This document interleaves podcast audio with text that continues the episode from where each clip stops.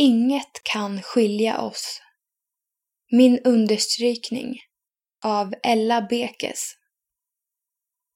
För jag är viss om att varken död eller liv, varken änglar eller furstar, varken något som nu är eller något som ska komma, varken makter, höjd eller djup, eller något annat skapat ska kunna skilja oss från Guds kärlek i Kristus Jesus, vår Herre. Romarbrevet kapitel 8, vers 38 och 39.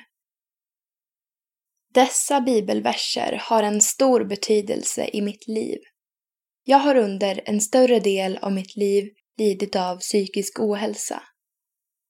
Oavsett situationen jag befinner mig i ger denna del av Romarbrevet mig en stor trygghet och en vilja att fortsätta livet med hopp i Jesus och den kärlek han har för oss.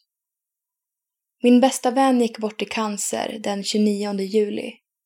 Jag skulle hålla ett tal på hennes begravning där jag bland annat läste upp Romarbrevet kapitel 8, vers 38 och 39. Samma verser hade prästen planerat att läsa, omedveten om att jag också hade planerat det. Min vän Enja var inte kristen innan hon blev sjuk. Men under den sista tiden, innan hon gick bort, hade hon markerat denna vers i sin bibel och tagit emot Jesus. Jesus kärlek övervinner död och allt ont i världen. Det är viktigt att alltid ha det med sig.